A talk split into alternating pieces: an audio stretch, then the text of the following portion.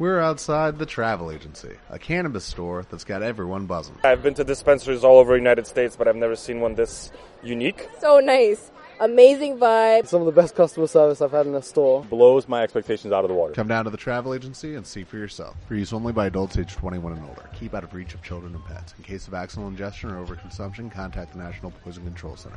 Consume responsibly. Masia Piguillem, especialistes en l'organització d'esdeveniments.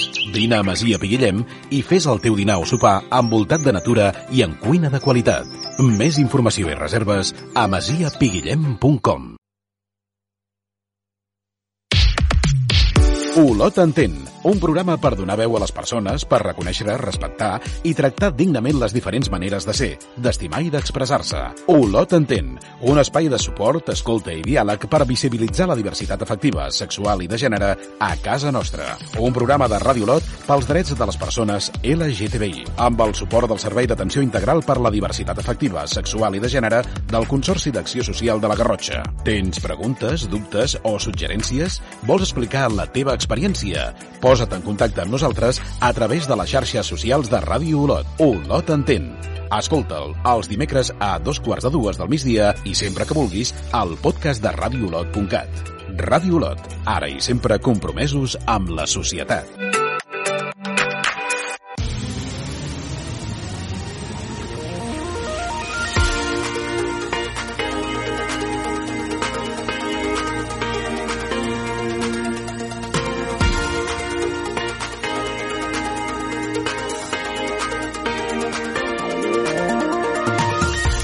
A dia d'avui encara hi ha molts llocs del món on persones lesbianes, gais, bisexuals, transgèneres i intersexuals estan en perill i es veuen obligades a fugir davant la por a ser detingudes, torturades, maltractades o fins i tot assassinades pel simple fet de ser, sentir o estimar de manera diferent la norma.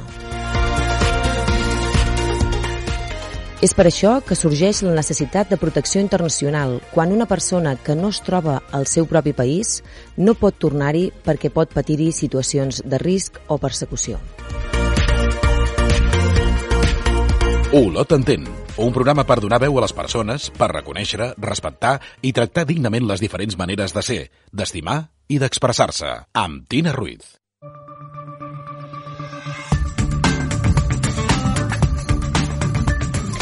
Avui a Olot Entén ens acompanya la Laia Costa. Ella és activista jurídica centrada en temes de mobilitat humana i fa 4 anys que viu a la Garrotxa. Laia, molt benvinguda al programa. Bon dia, moltes gràcies per invitar-me. Escolta, Laia, eh, tu vas ser advocada durant 12 anys en drets d'estrangeria i ho vas deixar perquè consideraves que el dret no és just, que la justícia és injusta. És així? Sí, Sí, sí, jo crec que, hauria de ser el recorregut normal de la majoria d'advocats, no? que ens dediquem al tema d'acompanyar a les persones en situació de vulnerabilitat. No? Que quan portem uns anys d'exercici ens adonem que, bueno, que les lleis no són justes. No? I mm, bueno, jo crec que un dels factors determinants va ser quan es va, es va denegar el dret a l'assistència sanitària de les persones migrants i jo crec que per mi va ser un moment de dir ja està, és a dir, deixem-ho córrer, no? De, deixem ja de confiar en, en, en la llei no? i no en la justícia. Sí. Eh, Laia, però alhora també dius que saber que tens drets empodera. Què vols dir amb això exactament? Sí, de fet, quan jo, quan jo decideixo doncs, deixar el que és l'advocacia, eh, me'n vaig a Llatinoamèrica, estic dos anys vivint allà i me n'adono me n'adono que realment conèixer els drets que tens va molt més enllà de poder-los exercitar. No? Saber que el que ha passat és una vulneració de drets, saber que tu tenies el dret i que no se t'ha concedit, és un tema que, que t'empodera. No? Que sí. Llavors, me n'adono que té un altre poder no? i que, per tant, és possible fer un acompanyament jurídic no pretenent arribar a grans resultats, sinó pel simple fet doncs, de que aquella persona sàpiga què ha passat, els drets que té, i també una mica doncs, per, tocar, per tocar la moral al sistema, no? Eh, eh, sí, per denunciar, sobretot. Uh -huh. És a dir, que d'alguna manera això t'has reenamorat del dret, li has sabut donar la volta... Sí, jo crec que estic en aquest procés encara. Encara hi ha dies que penso, i per què segueixo atrapada aquí, no? Però realment perquè, bueno, perquè considero que el món és injust i que, per tant, pues, no sé, em sento com molt interpel·lada, no? acompanyar des d'aquest lloc que és des del que m'he format. Fa temps que estic sentint molt, bastant sovint una frase no? que diu que, que si un dret no el té tothom no és un dret, sinó que és un privilegi. I realment em sento molt, molt propera no? aquesta definició que, que últimament estic sentint, que no sé, no sé de qui és, però s'utilitza molt ara que es parla tot el tema de la colonització, no? de, de colonització del pensament, dels privilegis, no? Uh -huh. I penso que és una molt bona definició. La veritat és que em sembla molt encertada, no? perquè quan pensem en... Que jo tinc dret a això, és com, ja, però te n'adones que el tens tu i aquesta persona no el té? Uh -huh. Ostres, i, i si comences a pensar en quants drets tu que un altre no té, uau, és que em sembla que no n'hi ha ni un que puguem dir que tenim tots, no? I és, és bastant bèstia quan te n'adones d'això, no? Llavors, potser, per mi el terme justícia aniria més encaminat en, aquesta, en aquest dret a l'utopia, no? El dret a pensar-nos i a esdevenir una altra cosa que no sé què és, però que no és el que tenim, no? Suposo que va per aquí, és alguna així. Uh -huh. Encara no ho tinc del tot definit, estoy en ello. Mm, molt interessant. De fet, sí que moltes vegades, eh, a més, es parla molt no? d'això dels drets humans, dels drets universals, però, però que tampoc universals no? són. I, com dius tu, hi ha certes persones que sí que tenen aquest privilegi de poder-los gaudir, de poder-hi accedir, però per tanta gent és tan, tan poc accessible o, o tampoc una realitat no? vivible quotidianament. Mm. Mm. Clar, pensa que, per exemple, ara que, que sóc una de les persones que porta, que impulsa la campanya Padró per Totes, ens vam trobar fa poc amb que la Generalitat llançava un missatge de no, a Catalunya es vacunarà tothom. I amb lletra petita era tothom que tingui targeta sanitària, no? Era com, hola, què tal? És a dir, no tothom té targeta sanitària, per què no tothom està empadronat? Llavors, no diguis que és un dret universal i que la Generalitat de Catalunya vetllarà perquè tothom, perquè si amb lletra petita poses targeta sanitària, ja ho estàs limitant a unes persones.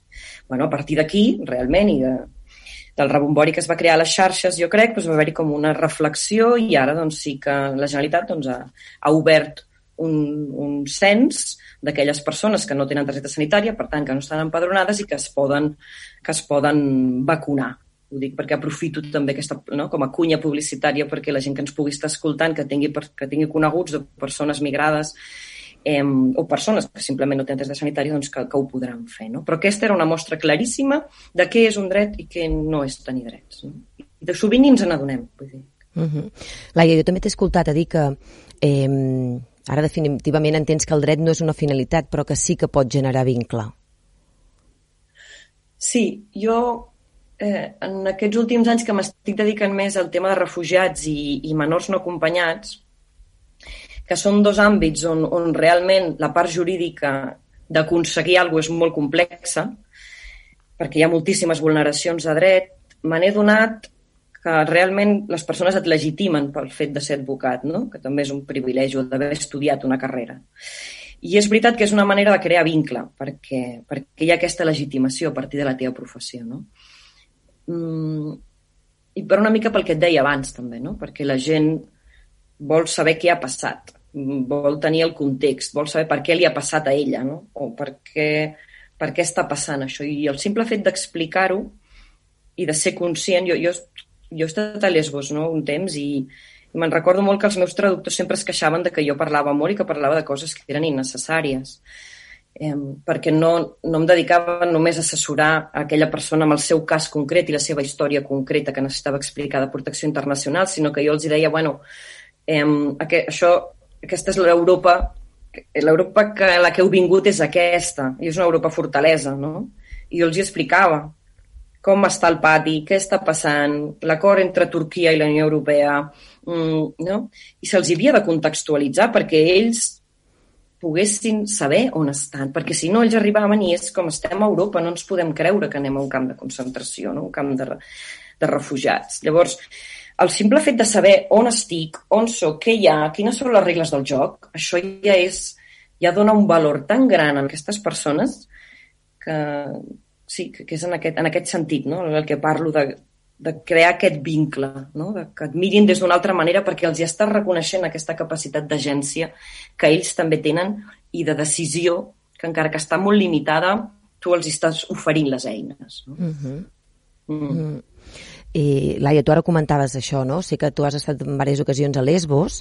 És una illa que mm, a mi eh, el, el, el, sempre em recorda a Safo. No sé si hi ha persones que ens puguin estar escoltant que, que diguin, bueno, no, no sé res de Lesbos i no sé, no sé qui és Safo. Tu, així, uh -huh. com molt breument, eh, com presentaries a Safo? Bueno, Safo, la veritat, jo tampoc la coneixia abans d'anar a Lesbos, eh, però bueno, és, és com la primera, la primera poetessa reconeguda no? eh, en el món de la literatura eh, penso, em sembla que va viure 600 abans de Cris o alguna així, no? i és de la primera que hi ha textos, que Plató en fa referència, que tothom fa referència a ella com una poetessa. No?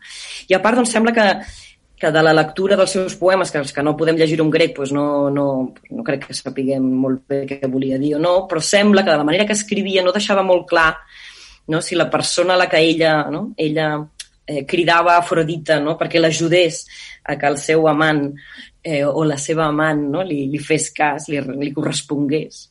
Eh, no quedava clar mai si era un noi o una noia, no? en aquest sentit. I, per tant, doncs, sempre s'ha considerat que, que Safos és la primera eh, dona que manifestament doncs, manifesta el seu amor per les dones i, per tant, a partir d'aquí, doncs, realment surt el concepte de, de, de lesbiana. No? Sí. Mm -hmm. I, exacte, no? Lesbos, Safo, i sé que també és una illa molt coneguda per un festival que es fa anualment, no? que crida aquestes dones que estimem a dones, a dones lesbianes, bulleres, tortilleres, com, es, com ens vulguem anomenar. Què en saps tu d'aquest mm -hmm. festival? Sí, eh, bueno, també també m'hi vaig trobar una mica eh, quan hi vaig ser, perquè casualment doncs, doncs també era, vaig ser el mes de setembre, i bueno, és el primer festival internacional exclusiu de dones d'Europa i ja fa més de 20 anys que s'està fent cada any, no? Vull dir que realment, bueno, doncs té, sí, ja, ja és un festival consolidat. No?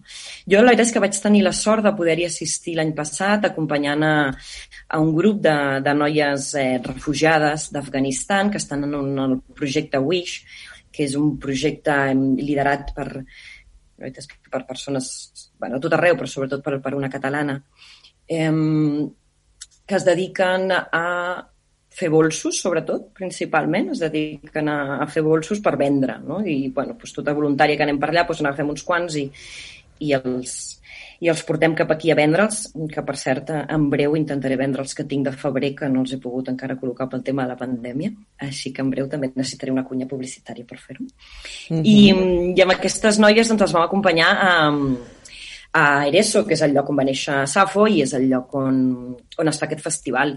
I la veritat és que va ser una experiència molt bonica, sobretot doncs, perquè anàvem amb aquestes tres noies eh, d'Afganistan i la veritat és que va ser bonic també viure amb elles la primera vegada que elles també doncs, veien eh, tantes dones diferents juntes, no? perquè molts cops ens feien, ens feien mirades com Ai, això és una noia, però, però, però clar, físicament em recorda potser més un noi, o, no? i et deien, ai, ara no sé què estic veient, i la veritat és que va ser una experiència molt bonica no? de, de viure-ho amb elles i de, i de veure que tot i la seva religiositat i la, seu, la seva...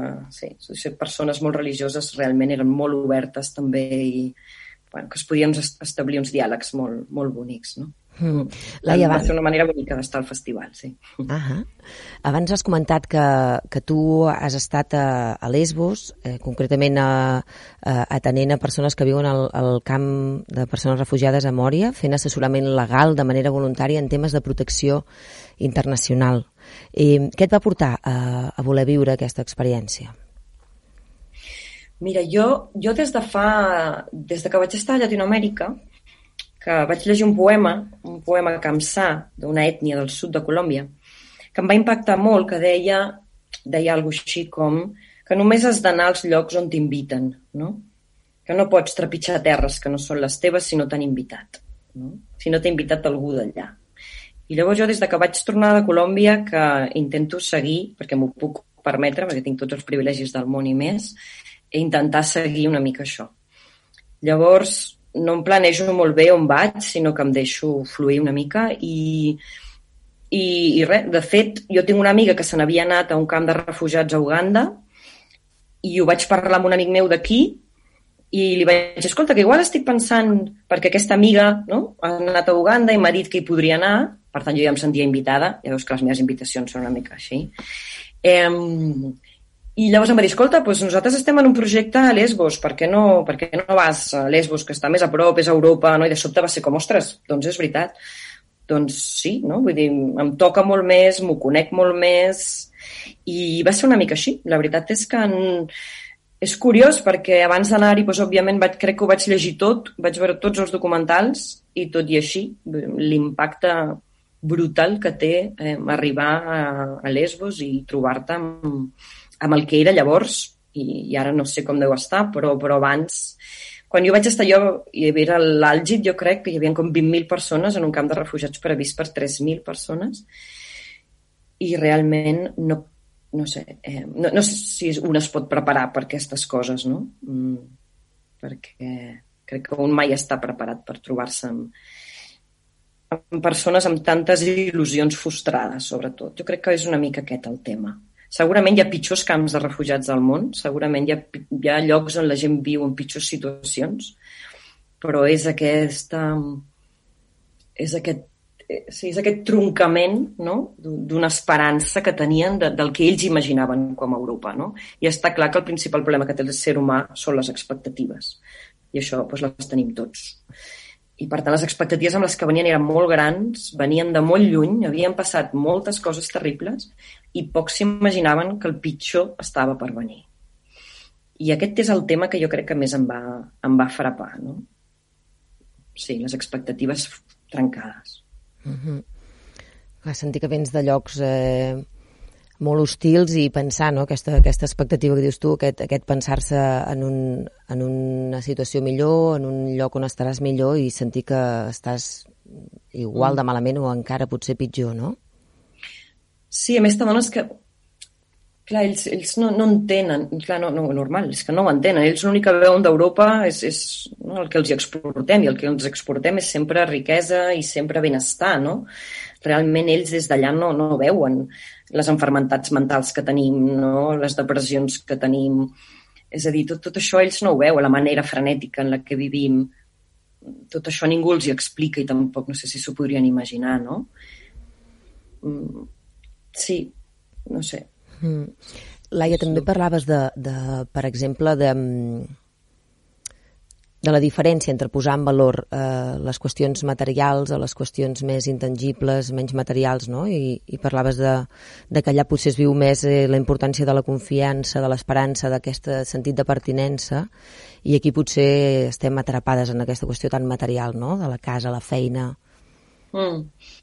Sí, jo crec que jo venia de, de, de treballar més en població migrant, aquí a, a Barcelona principalment, mm. en un, on l'acollida està molt pensada a nivell de d'això, no? de, de recursos materials. No? El, el primer que es mira doncs, és, és, és el que s'entén com a lògic. No? Pues primer has de tenir una casa, no? has de poder menjar, has de poder tenir pues, expectatives d'una formació, aprendre el català, no? el castellà, però un a poc a poc va veient que amb això no n'hi ha prou i que si falla l'acollida és en gran part, una, perquè la societat d'acollida no està fent la seva feina i, per tant, sense societat d'acollida que acolli no, no, no hi ha, per mi, no hi ha possible procés d'integració, que no sé si seria la paraula, però bueno. Però és que, a part, un se n'adona que un, quan es lleva al matí, necessita molt més que el tangible, perquè el tangible ho tenim la majoria de les persones no? que estem aquí, o que tenim el privilegi de, de tenir-les, i això no ens fa felices ni ens fa aixecar-nos. No? Al principi, quan comences a veure exactament què tens, és perquè tens això, tens, et sents que pertanys a alguna et sents que hi ha algú que et trucarà durant el dia d'avui, et sents que tens algú a qui trucar i explicar, et sents que hi ha gent que té expectatives sobre teu, no? Que tens unes creences, que tens uns valors, i tots aquests temes en les acollides, no? en els projectes d'acollida que tenen les entitats o que estan previstes en la llei de protecció internacional, doncs tot això no hi és. No? On és l'acollida espiritual de tantes persones musulmanes? quin cas els estem fent a aquestes persones on, on aquestes creences són tan importants? bueno, doncs fem veure que això no importa, no? I això sí que importa. Llavors, clar, quan te'n vas a un lloc com Lesbos, on, on no hi ha res, no hi ha absolutament res, doncs, i és allà on, on jo, i, i també ho he de dir, allà entenc i crec que començo a acostar-me al tema més cristià, cristià de base, començo a entendre vots com el vot de pobresa, perquè realment allà, i jo la sensació que ja havia tingut una mica Amèrica Llatina, però allà me n'adono de, de què es vol dir no? amb el vot de pobresa, per exemple. No? I és que realment, quan no tens res, et surt tota aquella part humana que tots tenim, no? I és allà on ens trobem, no? I, bueno, i per mi això, pues, sí, realment va ser com una, com una revelació, realment, no?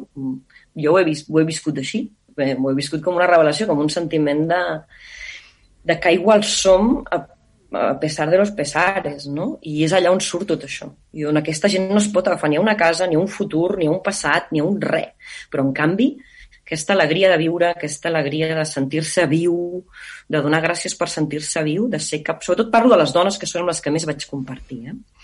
A mi això m'atrapa i me n'adono realment de, de l'importància de l'immaterial, que és ara quan torno aquí de dir on està l'immaterial amb aquests joves que migren sols, on està la part mm. immaterial, no? que és des de, des de la xarxa autònoma d'acollida que aquí aprofito per fer diverses cunyes, estic veient, eh, pues, pues que, també, que també fem no? aquí a la Garrotxa. Vull dir que és intentar donar aquesta part immaterial.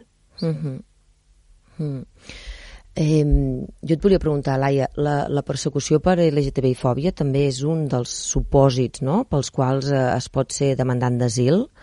Eh, en aquest cas no sé si et vas trobar en, en experiències en, de persones no? de, del col·lectiu LGTBIQ que, que fossin sol·licitants d'asil, que estiguessin al camp, eh, saber les seves experiències, si és fàcil d'aconseguir-ho i també em preguntava això, si també eh, són elements que també poden fer que visquis encara d'una manera molt més hostil en un camp no? amb persones refugiades perquè pots també sentir doncs, violència, hostigament per la, mateixa, bueno, per, per la població, per, pels mm. cossos policials, etc.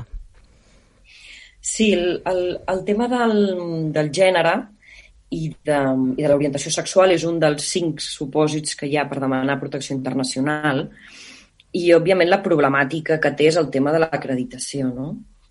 Aquest és el tema que jo sempre doncs, havia estudiat o havia pogut com veure. Realment, quan estàs allà, mm, i jo que no, no m'havia trobat, jo no havia fet protecció internacional quan estava a Barcelona, per tant tampoc ho coneixia, no? Però realment, quan em trobo el primer cas d'un home no? doncs que, que, em, que em comunica doncs, que ell és, és homosexual i que és un dels motius pels quals va marxar, del que me n'adono jo és de que realment no tinc la formació mm, o no estic preparada per atendre un cas així, no?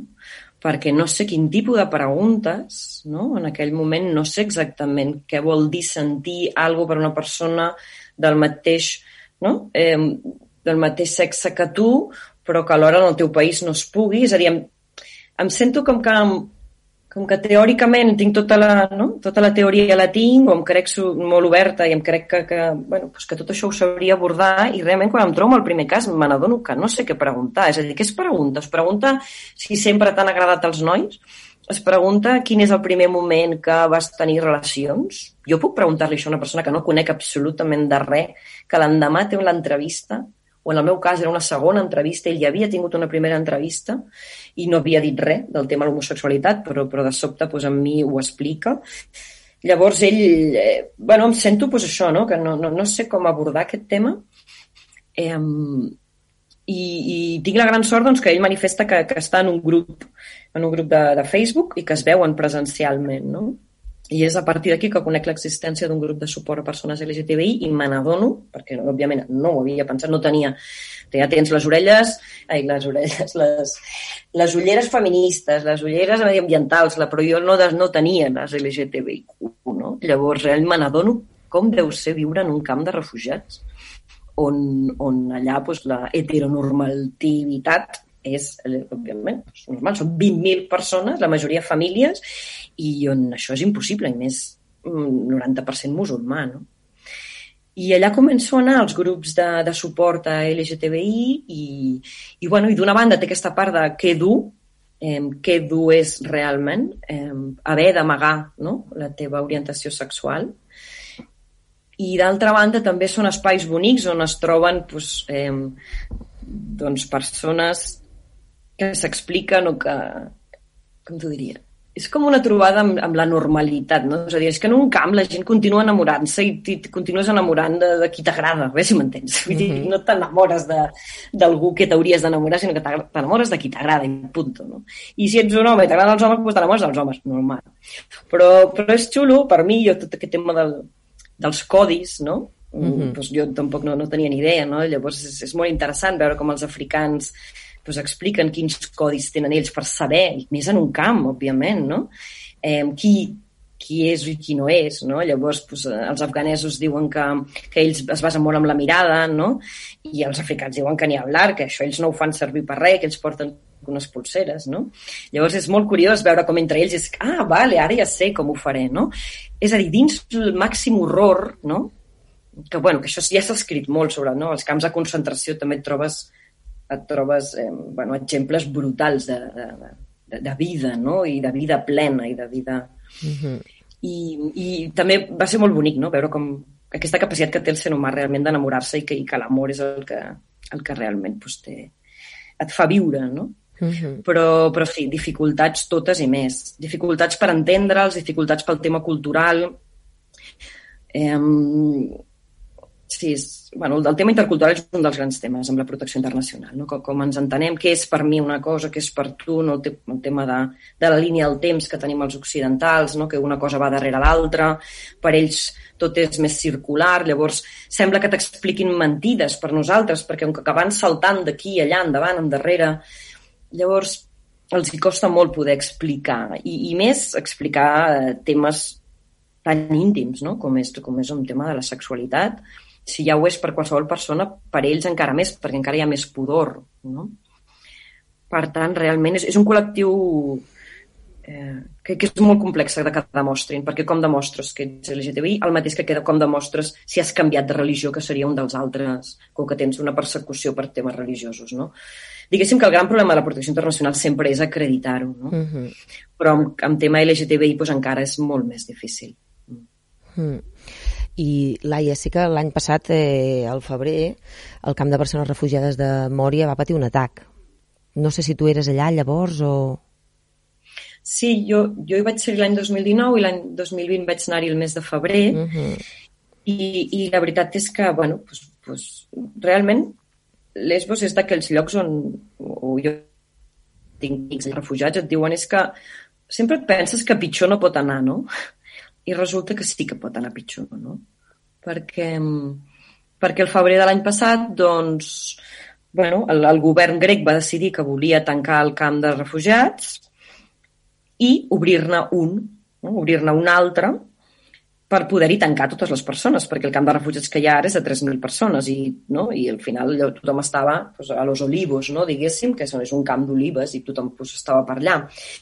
Llavors van decidir que en volien fer un altre, però de tancat. Clar, en aquell moment eh, es van alçar pues, els feixistes eh, dient que no volien un camp tancat i els antifeixistes dient que tampoc el volien però va arribar un... Va, va haver un moment que semblava que ens enteníem tots plegats i que estàvem amb lo mateix, però després de sobte tot va fer un gir, va aparèixer també feixistes eh, europeus de la península, diguéssim, no de la illa de Lesbos.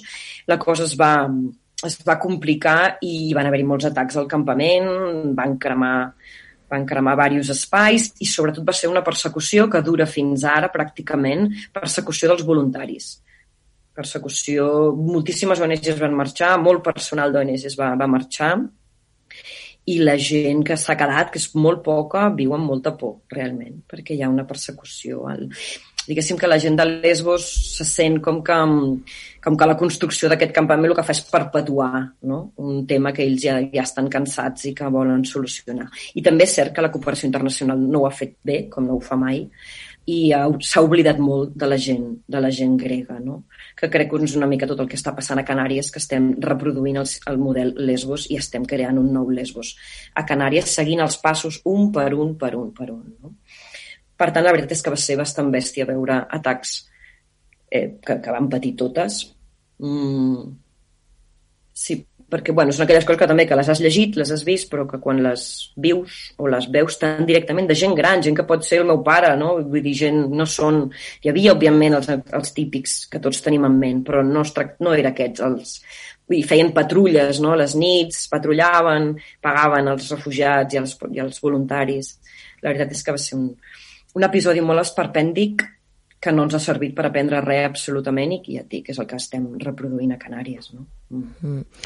I després d'això passa que el, el març de l'any passat comencem amb el, amb el confinament, no? És a dir, m'imagino com es pot viure tota la situació del confinament amb un, amb un, amb un camp de persones refugiades quan el que anem sentint constantment és distància, eh, neteja de les mans, etc. quan tot això deuen ser qüestions impossibles de que puguin fer-se, no? O, o ser en, mm. un, en un espai com els que ens estàs explicant, no? Sí, sí, sí, realment jo no m'ho podia creure quan vaig marxar d'allà pel, pel tema dels atacs i arribes aquí al cap de res de 10 dies doncs hi ha el confinament, no? Mm. Mm. Per ells ha sigut un... Bueno, no sé, jo no, ells hi posen paraules, jo no sé ni com ho fan, realment. A mi em sorprèn sempre, no?, de dir, mm com podeu eh, superar-ho tot això, no? Perquè, perquè és que és una darrere l'altra, no? I, clar, ens hem d'imaginar un lloc, això, no? On hi ha 20.000 persones, un lloc que està preparat per 3.000, on òbviament les dutxes són comunitàries, els lavabos són comunitaris, on no hi ha punts d'aigua. Per tant, eh, clar, tot el tema de les neteges, tot el tema de... Bueno, és que és impossible, vaja. Dorms en tendes de campanya compartides, es comparteixen amb un llençol, no? Mm. Tu estàs en una, una tenda de campanya perquè t'han invitat a... Una família t'ha invitat a sopar, estàs dins menjant i al costat, amb un llençol ben fi, ben fi, tens doncs, una mare amb dos fills que, òbviament, estan tossint o estan el que sigui, perquè quan jo hi era, doncs, bé, tothom tenia les seves cosetes. No? Tu imagina't seguir amb això, no? Mentre tots els missatges que va rebent, perquè, clar, tothom està connectat al, als mòbils, tots els missatges que estan sentint, amb tots els idiomes i a tot el món, a més és que és tot el món et va dient distància, mascareta, eh, neteja de mans, neteja de tant. No? Mm, clar, jo m'imagino que si ja Mòria era un camp on l'índex de, de, de malalties de salut mental, de problemes de salut mental, era enorme, enorme. Eh, de fet, hi va haver un estudi en el que vaig poder participar que s'havia arribat a determinar que Mòria era com un camp de concentració i de tortura eh, pel, tema, pel, tema, pel tema de totes les bueno, sí, de totes les barbaritats que pateixen dins el camp, sobretot, eh, sobretot les dones. Doncs, eh, clar, a nivell mental mm, la cosa ha empitjorat molt més des del confinament. També el que ha passat és que quan es va obrir i, i la ciutadania de, de, de Lesbos podia moure's, ells van continuar tancats. Clar, el tema és que ells s'han quedat tancats perquè ara ja estan en un centre tancat que només els permet sortir unes hores al dia depenent del número de persones, número de família i tal. Per tant, bueno, no sé, inimaginable, jo crec. O sigui, mm. tu li preguntes a una persona d'aquí com, com, com es pot afrontar i no, no sabries com què contestar, no? Perquè... Laia, per tot això que ens expliques, tu què li diries a la gent que, que encara no entén la necessitat de polítiques migratòries que facilitin la mobilitat humana per a persones, això, sol·licitants d'asil eh, per qüestions LGTBI, però, però no només, evidentment. Què els hi diries? Mm. Mira, jo recordo molt bé no sé quin dia va ser, no sé si va ser un dia abans o dos dies abans de, del primer confinament domiciliari, del 16 de març o alguna així, crec, l'any passat. Recordo un escrit que va fer algú, que el va, jo el recordo, tinc la veu del Franzino, que està a internet, és superinteressant, que explicava, perquè en aquell moment va semblar que la pandèmia només afectava a Europa i a, no, als països occidentals en aquell moment. No? I, i és un text que, bueno, no sé, que, que si el podeu buscar és superinteressant, no?, del Franzino. I i deia, clar, imagineu-vos que aquesta pandèmia només passa a Europa o només passa als països occidentals. Què farem nosaltres? Marxarem. És a dir, mm, saps? Jo crec que en aquell moment la gent ho va entendre una mica, no? O què ha fet la gent ara que, que, que, no? que estàvem esparcit, no? Tota la gent que estem pel món. Què hem fet tots? Hem tornat a casa. Hem tornat a casa perquè podíem tornar, perquè teníem un passaport i no necessitem visat, no? i perquè ho podem pagar. Per tant, no sé, és a dir, jo crec que la gent ha de reflexionar sobre això, no? Oi que li ha dit al seu fill que torni d'aquell projecte que està fent? Oi que aquesta persona s'ha pogut moure? Oi que ens podem moure perquè ens fem PCRs? Mm, no sé, és que em sembla que ara és un moment interessant que la gent es pregunti què hagués passat si no hagués sigut un problema d'Europa. No haguéssim agafat un avió, ens haguéssim anat a qualsevol altre lloc del món. Jo ho deixaria aquí perquè crec que ara mateix és el millor dels, de les reflexions que podem tenir amb el que, amb, amb el que estem tenint i amb el que suposo que pròximament seguirà amb més o menys mesura. Mm. Laia, doncs, eh, moltíssimes gràcies per haver-nos acompanyat a, al programa d'avui i sé que aviat en tornes a anar a Lesbos, així que, que vagi mm. molt bé i, i molta sort amb tot. Moltes gràcies.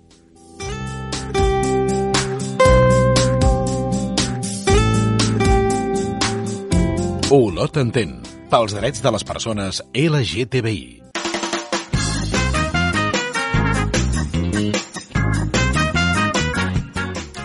I avui ens acomiadem amb la cançó Latinoamèrica de Calle 13. Laia, per què l'has escollit? Perquè a mi Llatinoamèrica i, i en aquest cas Colòmbia, els dos anys que vaig viure allà crec que em van, em van canviar. Llavors jo li de, crec que li dec molt a Llatinoamèrica. Sempre dic que una de les coses que més vaig aprendre allà o que més m'han servit és el tema de hablar bonito. Jo pues, bueno, sóc una persona que parlo bastant bueno, no sé, no he sigut molt amorosa amb les meves paraules ni amb la meva manera de ser i, bueno, no sé, com molt seca, no? I allà vaig aprendre que era molt important. Jo, jo agraeixo molt aquesta manera de parlar maca, que al principi em semblava que em volien enredar, però després me l'adonava de, de lo important que era que la gent et digués coses boniques i que parlés bé, parlés bonic. I jo penso, després vaig llegir-ho també d'un poema, també Kamsa, i això, no? que si hablas bonito, ¿no? Eh, puedes pensar bonito i puedes hacer bonito. No? I pot semblar una mica cursi, qualsevol que em conegui sap que no ho soc, però, però sí, li dec molt a Llatinoamèrica i, i sí. I a més aquesta cançó doncs, bueno, parla una mica d'aquestes misèries de Llatinoamèrica, però en canvi aquesta grandesa humana que tenen, no? I que no només tenen els llatinoamericans, sinó la majoria de pobles que per sort no estan desenvolupats a la nostra manera. Així que és com una mica una oda a aquests pobles que tant m'han ensenyat. Sí. Mm -hmm. Doncs eh, així ho fem, amb aquesta cançó ens acomiadem i ens retrobem la setmana vinent a Olot Entén.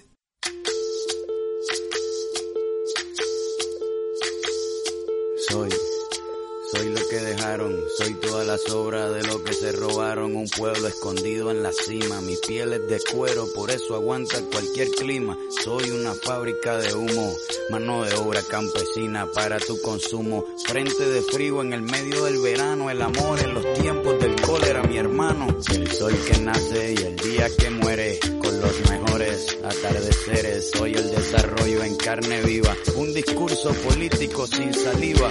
Las caras más bonitas que he conocido. Soy la fotografía de un desaparecido, la sangre dentro de tus venas. Soy un pedazo de tierra que vale la pena una canasta con frijoles. Soy Maradona contra Inglaterra, anotándote dos goles. Soy lo que sostiene mi bandera, la espina dorsal del planeta en mis cordilleras. Soy lo que me enseñó mi padre, el que no quiere a su patria, no quiere a su madre. Soy América Latina, un pueblo sin pierna pero que camina. Oye, no puedes comprar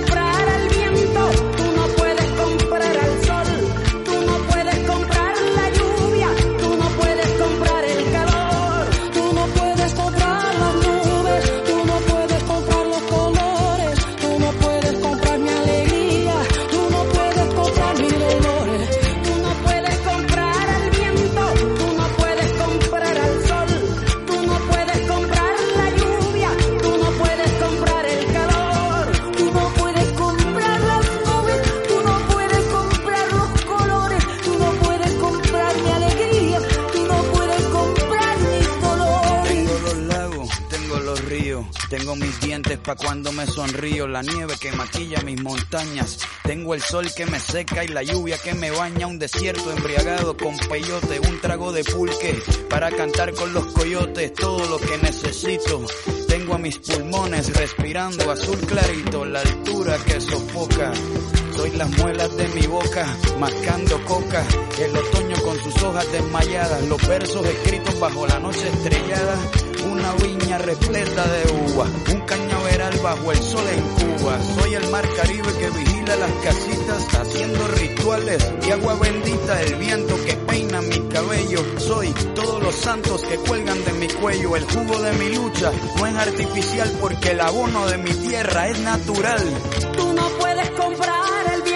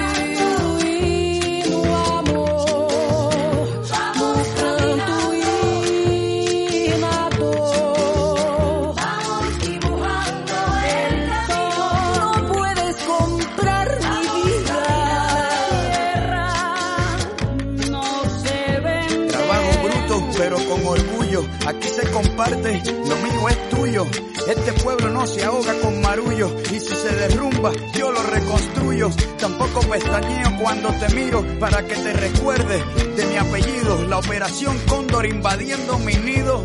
Perdono, pero nunca olvido. Oye.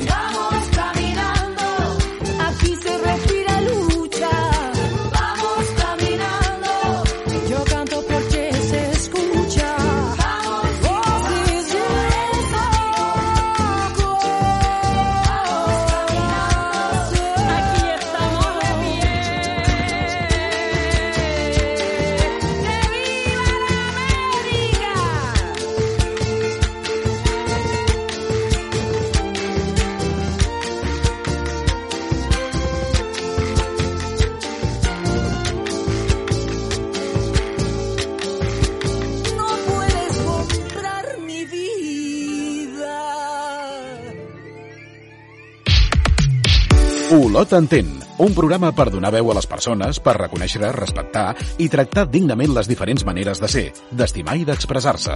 Olot entén, un espai de suport, escolta i diàleg per visibilitzar la diversitat afectiva, sexual i de gènere a casa nostra. Un programa de Ràdio Olot pels drets de les persones LGTBI, amb el suport del Servei d'Atenció Integral per la Diversitat Afectiva, Sexual i de Gènere del Consorci d'Acció Social de la Garrotxa. Tens preguntes, dubtes o suggerències? Vols explicar la teva experiència? Posa't en contacte amb nosaltres a través de les xarxes socials de Ràdio Olot. Olot entén. Escolta'l els dimecres a dos quarts de dues del migdia i sempre que vulguis al podcast de radioolot.cat. Ràdio Olot, ara i sempre compromesos amb la societat.